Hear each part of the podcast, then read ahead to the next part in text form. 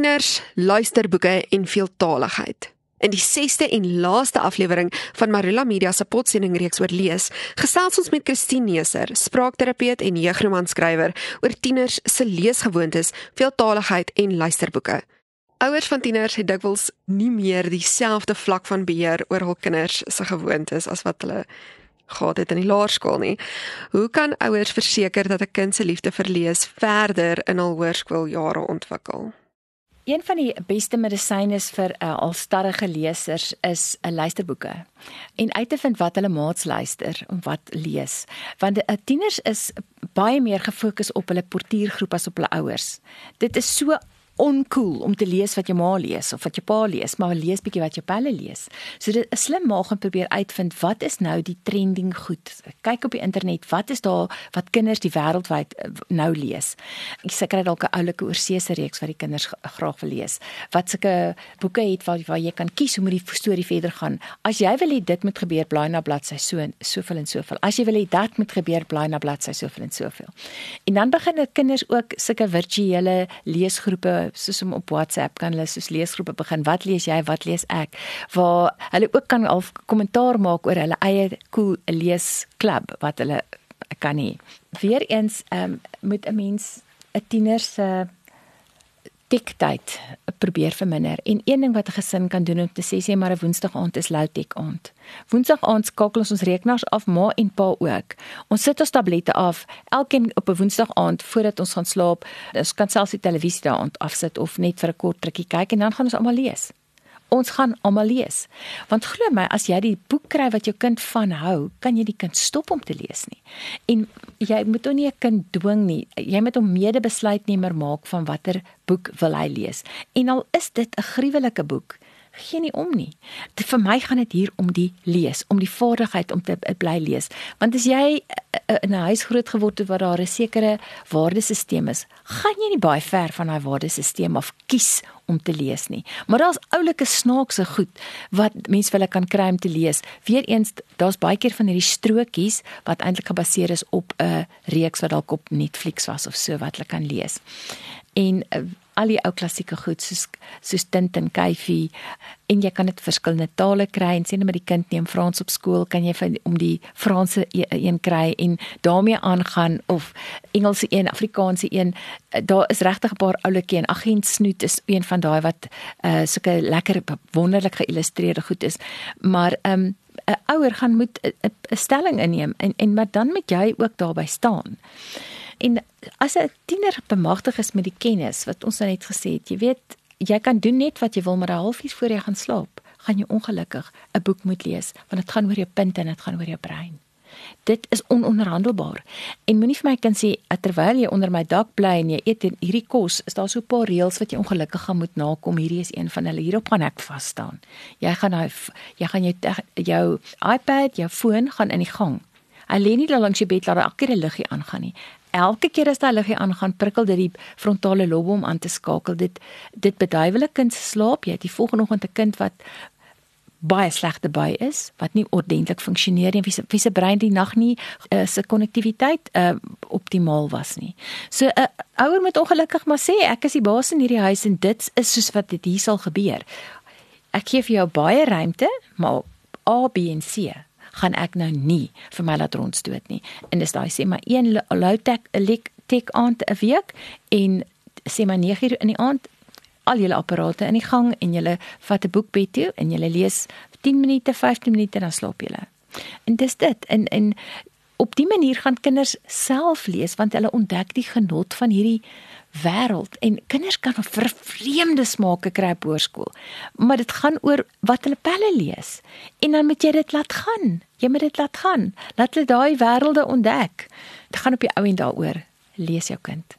Kom ons gesels 'n bietjie oor luisterboeke en die voordele wat dit ook mag of wat hulle ook mag inhou vir kinders en tieners en leesgewoontes. Audioboeke is wonderlik want 'n kind kan besig wees om ander goed te doen, met die multitasking. Jy kan besig wees om jou fiets se wiele te pomp en 'n boek luister. Jy kan besig wees om fiets te ry. Dit is natuurlik bietjie gevaarlik want jy kan nie die karre hoor nie, maar jy kan 'n hele boek luister terwyl jy fiets ry. Terwyl jy in die motor is, eerder as om met jou sussie te beklei, kan jy jou boek uh, luister. En veral jou voorgeskrewe boek, as jy hom kan kry as 'n luisterboek, dan het jy mos nou twee vleie met een klap geslaan. Baie van die voorgeskrewe boeke, leesboeke in die klas het deesdae ook 'n audioboek by wat wonderlik is, maar ek kan natuurlik baie wyd gaan. Audible het wonderlike seleksie en ek dink dit is wonderlik want kinders se regte brein word geprikkel en hulle word juis so met visuele stimulasie oordonder met al die ehm um, uh, speletjies en uh, al hulle skerms dat dit wonderlik is as die regte brein met sy luistervaardighede met 'n luisterboek weer geprikkel word. Ek wil graag vra oor veeltaligheid en die impak wat lees op veeltaligheid het. Stel jy voor dat mense maar eerder fokus op boeke in jou moedertaal voordat jy oorskuif na 'n volgende taal toe of dink jy maar lees is lees? Dit hang af van die kind se taalontwikkeling en dit hang af van watse taal jy in die huis praat. Oor veeltaligheid wil ek vir sê ek is baie pro veeltaligheid want 'n vertalende brein is aktiewer brein as 'n eentalige brein. En ons kan nie in ons land nie Engels baie goed magtig wees nie sonder om ons uh, moedertaal af te skep. Om te kan veeltalig raak in ons land, moet jy net een reël te volg en dit is MLH minority language at home. Jou eie taal wat die minderheidstaal is by die huis en jou kind sal tweetalig raak. Daar is jy kan hom nie keer om ehm um, tweetalig te raak nie. Maar dit gesê is daar baie keer twee tale in 'n huis. Pappa kan dalk nie Afrikaans praat nie of praat dit swakker Afrikaans. Pappa is dalk Portugees of Duits of Frans of Engels wat dit ook al is en hy kan sy beurt kry in storietyd, daai halfuur voor hy gaan slaap om regmatig sy storie te lees en vir die kind daai veeltaalige ervaring te gee.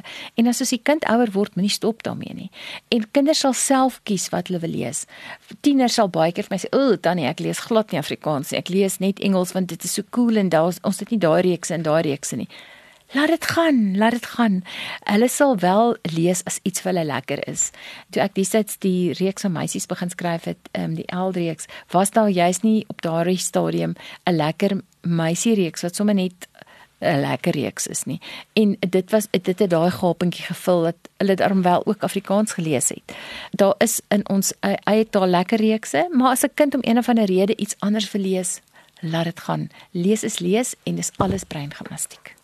Net vir interessantheid, kom ons gebruik die voorbeeld van die Harry Potter boekreeks. Dit is natuurlik ook vertaal na Afrikaans.